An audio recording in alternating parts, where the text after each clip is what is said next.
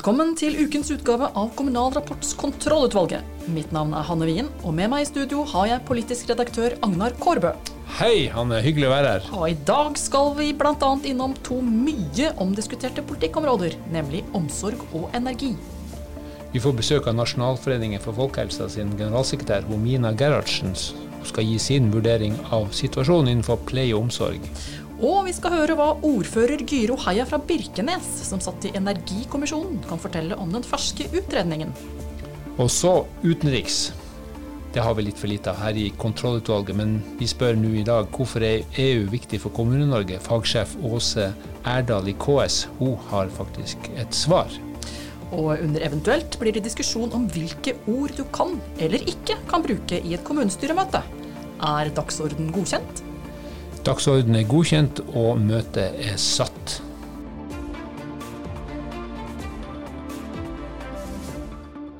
Velkommen til kontrollutvalget, Mina Gerhardsen. Du er generalsekretær i Nasjonalforeningen for folkehelsen. Dere er en frivillig organisasjon som samler helselag og demensforeninger over hele landet. Og dere er en viktig stemme når vi diskuterer pleie og eldreomsorg. Det har jo vært sterke reportasjer om kritikkverdige tilstander i eldreomsorgen i flere medier den siste tida. Er du overraska? Nei, dessverre. Jeg skulle ønske jeg var det. Jeg satt, meg for foran Brennpunkt og tenkte at nå, nå kommer sånne bilder som er langt utafor hva vi regner med skal komme. Og så kommer egentlig veldig kjente historier. For det er, det er ikke alle historiene om uh, norsk eldreomsorg som er dekka av Brennpunkt. Det er jo veldig mye bra jobb som gjøres. I mange kommuner mye fantastiske mennesker på jobb. Men disse historiene er også en viktig del av det vi tilbyr eldre i Norge. Det er mye fortvilelse. Det er fortvilte pasienter som sitter hjemme og er redde og utrygge og ensomme. Det er fortvila pårørende som er utslitte, og det er fortvila medarbeidere som føler at de aldri strekker til. Så det er kjente historier, dessverre, det som vises. Tenker du at det er riktig å snakke om en krise i eldreomsorgen? Vi har lenge brukt uttrykket 'en stille krise'. For det er ikke krise av typen eh, helseministeren innkaller til pressekonferanse daglig for å fortelle at folk ikke får den hjelpa og omsorgen de trenger. Men dette har jo bygd seg opp over lang tid. Det, disse historiene er jo ikke nye av året. Og så ser vi jo at det kanskje blir verre nå fordi vi får flere eldre. Eh, og kommunene er jo ikke beredt på dette. Så på 20 år har vi ikke bygd sykehjemsplasser, enda vi vet at nå vokser antallet eldre. Det vil vokse år for år, og antallet med demens skal doble seg. Og alle de vil trenge sykehjemsplass på slutten av sykdomsforløpet. Tenker du at samfunnet, og da særlig kommunene, er forberedt på økningen i antall mennesker demens? Vi spurte kommunene i en egen undersøkelse i høst, og fikk det foruroligende svaret at nesten halvparten sier vi er ikke beredt. Det bekrefter jo det inntrykket vi har gjennom vårt lokalapparat, at det er for mange kommuner som ikke har tatt inn alvoret i det demenskartet, den framskrivningen vi har av hvor mange som vil komme til å trenge omfattende helse- og omsorgshjelp framover. Du sier at halvparten av kommunene ikke føler seg beredt, men hvem har ansvaret for at vi havna i denne situasjonen? Selvfølgelig har politikerne ansvaret, men hvis du skal prøve å differensiere den ansvarsplasseringa, hvordan vil du gjøre det? Vi må jo ta det todelt. Det er klart at Finansieringen av kommunene eh, over tid, at veldig mange kommuner sliter økonomisk, det gjør noe med muligheten til å investere i framtida. Det sier seg sjøl. Men det er klart at den enkelte kommune har jo ansvar for å telle opp antall personer som kommer til å trenge hjelp framover, og forberede seg på det. Så vet vi at det er vanskelig. Det å finne penger til bygg har vi hatt noe kamp om i budsjettet nå, til institusjonsplasser. Og også det å rekruttere personell. Men vi savner jo at det er mer driv å få på plass f.eks. velferdsteknologi som kan være med å gjøre en stor forskjell, både i kvalitet og i frigjøre kapasitet. Nå er det sånn at Disse kommunene de har jo en rekke gode formål som de skal eh, prioritere mellom. Eh, hva slags råd har Nasjonalforeningen til politikerne som skal prioritere mellom alle disse formålene? Det er klart det er mye man har lyst til å få til som kommunepolitiker. Jeg har bare vært bydelspolitiker sjøl, men kjenner jo det, den lysten til å forandre og skape og få til. Men det er klart at bunnplanken i velferdssamfunnet vårt er at vi har et sikkerhetsnett. At uavhengig av formuen din eller nettverket ditt og pårørende, så skal du være helt trygg på at du får den hjelp og omsorgen du trenger.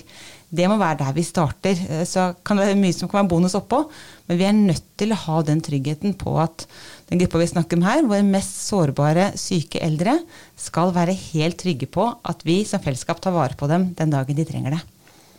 Det må prioriteres først.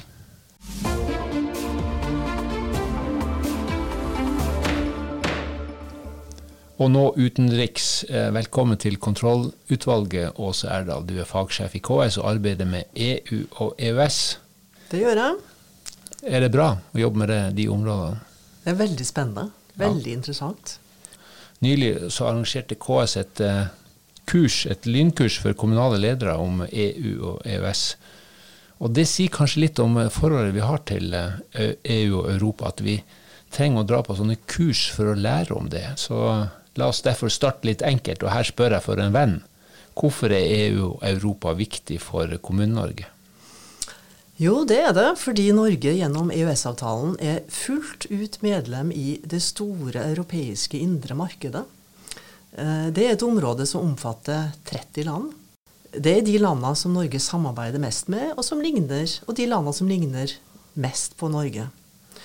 Og som du sikkert vet, så gir det indre markedet nordmenn mulighet til å jobbe i alle disse 30 landene, til å studere, til å få helsehjelp, til å reparere bilen eller reparere tennene, kjøpe, selge varer, til å reise, til å bo. Og for at dette skal fungere, så må alle landene i det indre markedet ha en del felles regler. Det som skjer, er at man sitter i Brussel og etter en lang prosess selvfølgelig som involverer de ulike medlemslandene og Norge, som er assosiert da, gjennom EØS-avtalen, og fatter regler som bang slår inn i kommunevirksomheten? Ikke nødvendigvis bang, eh, men etter en prosess der Norge har eh, muligheter til å eh, spille en rolle, til å medvirke eller til å påvirke, så vil reglene etter hvert komme inn i norsk lov, og brukes og anvendes av kommunene og fylkeskommunene. Men det, vi må vel være såpass ærlige og si at det er litt, kanskje litt for lite diskusjon om uh, disse reglene i en tidligere fase når de skal komme inn, fordi vi ikke er medlem? Ja, det er det nok. Eh, samtidig så er nok det en utfordring vi deler med veldig mange land i Europa. Fordi at eh, de fleste landene i, i, Europa er jo nettopp, eh, som Norge, land med fokus på seg sjøl. Hva slags saker peker seg ut på det kommunale og fylkeskommunale området? Jeg kan nevne ett som er veldig aktuelt akkurat nå. Og det er at EU eh, e jobber med å um, oppdatere sitt regelverk om avløp. Det forslaget er laga uh, først og fremst med tanke på avløp og vannsituasjonen i land som Belgia, Tyskland, Frankrike. Og Derfor er det mange elementer i det forslaget som ikke passer så godt til Norge, Island, men heller ikke Sverige og Finland. Er det sånn at Norge da jobber med Sverige og Finland for å påvirke den prosessen og sørge for at vi får et regelverk som er tilpassa den geografien i disse landene? Ja, det er ambisjonen. Dette forslaget ble lagt fram i oktober, så det er veldig nytt. Eh, og nå driver KS og diskuterer med sine søsterorganisasjoner i Sverige, Finland, eh, Island særlig, men også Danmark. Og se om vi kan samarbeide for å, for å fremme synspunkter, sånn at de står sterkere. Man kan få et regelverk som eh, vil være veldig kostbart å få på beina, han har sagt, altså få det gjennomført, uten at det vil ha nødvendigvis veldig store eh, miljø- og klimaeffekter. Sånn at målet står ikke helt i stil med pengesekken som vil kreves for å få det gjennom. Er det sånn at hver kommune og fylkeskommune bør ha sin egen lille EU-politikk? Det tror jeg ikke vil være nødvendig. Eh, men jeg tror det er, eh, det er noe å hente i. Hente med å tenke på en forlengelse av Norge, nær sagt. Eh, mot EU og det virkemiddelapparatet som er der, og all den testingen og utprøvingen som foregår.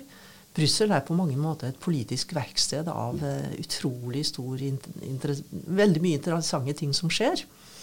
For, for eksempel jobber man nå med å få til 100 klimanøytrale byer i Europa. Lage en politikk, støtte virkemidler som skal støtte opp under det. Tre norske byer har fått uh, status som klimanøytral og smart by, og skal da få drahjelp med å greie å gjøre det innen 2030, tror jeg det er. Hvordan byer er det? Det er Stavanger, eh, Oslo og Trondheim.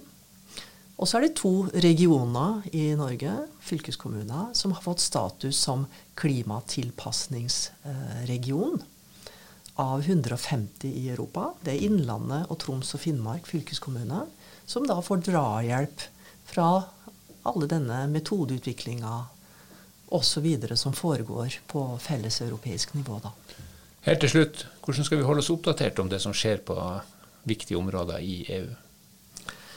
Stortingsbiblioteket har et aldeles utmerket nyhetsbrev som kommer en gang i uka, tror jeg, på norsk. Skrevet av, eh, på en god og forståelig måte. Det vil jeg anbefale.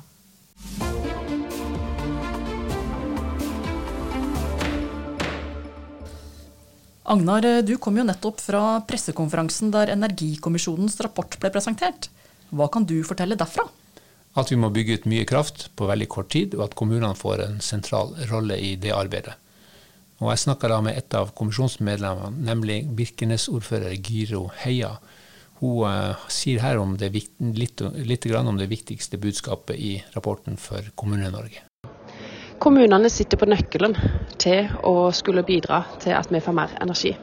Det er i kommunene det skal etableres eh, mer kraft. Det er der det skal produseres. og Derfor er nøy, kommunene nødt til å forberede seg på å planlegge for hvordan ønsker kommunene å ha det, eh, og hvordan ønsker kommunene å ta den eh, debatten som kommer. Hvor tøft blir eh, sånne lokale debatter? Det kan jeg med hånda på hjertet og selverfart si at eh, det er ikke eh, å ta lett på. Ja, For du sitter jo sjøl midt i en lokal diskusjon. Kommunestyret skal i morgen torsdag avgjøre om det skal åpnes for, eh, eller si ja til lokale vindkraft. Og du har skifta litt synspunkt på det underveis. Kan du bare kort forklare den lokale striden og hvilke konsekvenser det har? Det kan jeg. Eh, siden jeg ble satt inn eh, og valgt som ordfører, så har jeg drevet med vindkraft i Birkenes. Og det har vært en lang reise, det har vært en tøff reise. Eh, men ikke bare for meg, men for næringslivet og for de berørte naboene og for innbyggerne. Så er det klart at det, å etablere ny kraftproduksjon, det skaper splid. Eh, også noen ganger så opplever jeg kanskje at diskusjonene blir altfor ytterliggående. Eh, vi har motvind, vi har medvind. Jeg savner sidevind som eh, kan være med å nøytralisere debatten litt. Men det er klart at det, å være ordfører og være folkevalgt i en kommune eh, der du driver med vindkraft, og endre synspunkt underveis, da blir du tilsnakka. Men jeg skulle ønske vi hadde en folkeopplysning som var balansert, med fordeler og ulemper. Ja, for Bakteppet her, som er utgangspunktet for kommisjonen, det er at vi trenger ganske så mye kraft ganske raskt. Er det realistisk å få dette til, uten at kommunene virkelig hiver seg rundt og godkjenner både den ene og den andre utbygginga? Nå hører nok jeg til mindretallet som er litt eh, bekymra for at eh, den heftige eh, utvinninga av ny kraft, eh, den, den, tror jeg kanskje kan være krevende. Nettopp fordi at du er nødt til å ta vare på lokaldemokrati, prosesser, høringer. Men samtidig så må jeg si at jeg var i tvil når jeg skulle stemme det. Fordi at jeg ønsker å være offensiv. Jeg ønsker å ha en befolkning som er offensiv på sine egne vegner, fordi at vi kommer til å trenge det. Og det er ikke for noen andre enn næringsliv og egeninteresse for innbyggerne at vi skal ha mer energi. Eh, og så sier folk at ja, men kommer, da kommer det bare til å gå ut av Europa. Vet du hva? Jeg tror vi kommer til å se oss tilbake om 15 år og tenke på var det bare for Europa, eller var det for at eh, min mann, min bror, min søster, eh, min svoger skulle ha en arbeidsplass å gå til. Fordi at vi trenger arbeidsplassene òg, som er en del av det grønne skiftet.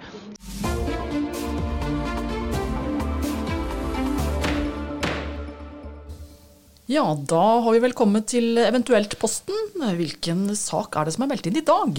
Språkbruk. Er det lov til å si, hold dere fast, kødda fra talerstolen i et kommunestyre? Diskusjonen kom opp i Bjørnafjorden forleden, Hanne. og vi skal komme tilbake til den, men eh, først litt om parlamentarisk språkbruk i Stortinget, for å høre hvor, hvordan legger malen for språkbruk der. Og I Stortingets forretningsorden så står det veldig tydelig at upassende eller fornærmelig atferd eller tale er ikke tillatt. Sånn atferd eller tale skal påtales av presidenten. Upassende, sier du. Hva, hva regnes som utpassende på Løvebakken? F.eks. å si 'snakke dritt' eller 'på trynet', 'tøv og tøys' godtas heller ikke. Eller 'å drite på draget' eller 'sleipetriks og ballespark', eller f.eks. 'rent vås'. det er heller ikke innafor parlamentarisk bruk å komme med saftige karakteristikker, sånn som den her som ble brukt i en debatt i 2005. Da var det en representant som sa jeg vet ikke hvilke nådegaver komiteens leder har fått utdelt av Vår Herre, men det er i alle fall helt tydelig at han har fått frekkhetens nådegave i betydelig grad. Kanskje ikke helt saklig, men uh, altså, godt formulert. Det må jo være enige om at det er. Helt klart. Men uh, hva skjedde egentlig i Bjørnafjorden? De skulle ha en uh, klassisk lokal debatt om navneendringer, og det vekker artige følelser. Det var sju, sju, institusjoner hvor det var snakk om å skifte navn. Varaordføreren var engasjert seg i saken. Han heter Harald Lekven og for øvrig nyutnevnt. Han siterte fra en avisartikkel om temaet, og der sto det 'En kødder ikke med stadnavn'. Og da grep ordfører Trine Lindborg eh, Borg etter klubba og ga beskjed om at det var rett for å bruke den, ifølge Os- og Fusa-posten som fulgte debatten. Ja, Det kan man jo forstå. Ja, men han, Lekven han forsvarte seg med at han bare siterte en artikkel. Men han klarte altså å sitere den så mange ganger at ordet ble brukt fire ganger fra talerstolen. Mens han forklarte at han sjøl aldri ville ha valgt den type ord. Så det er ikke så enkelt å gjøre rede for egen språkbruk. Men han ville for øvrig blitt klubba på Stortinget. Ja, men da foreslår jeg at vi hever vår egen klubbe, og så anser vi den saken for eh, ferdigbehandla. Her i studio var Hanne Wien og Agnar Korbe ansvarlig for sendinga. Ansvarlig redaktør for podkasten og Kommunal Rapports mange deilige produkter er Britt Sofie Hestvik. Abonner på nyhetsbrev og på kontrollutvalget, så høres vi plutselig.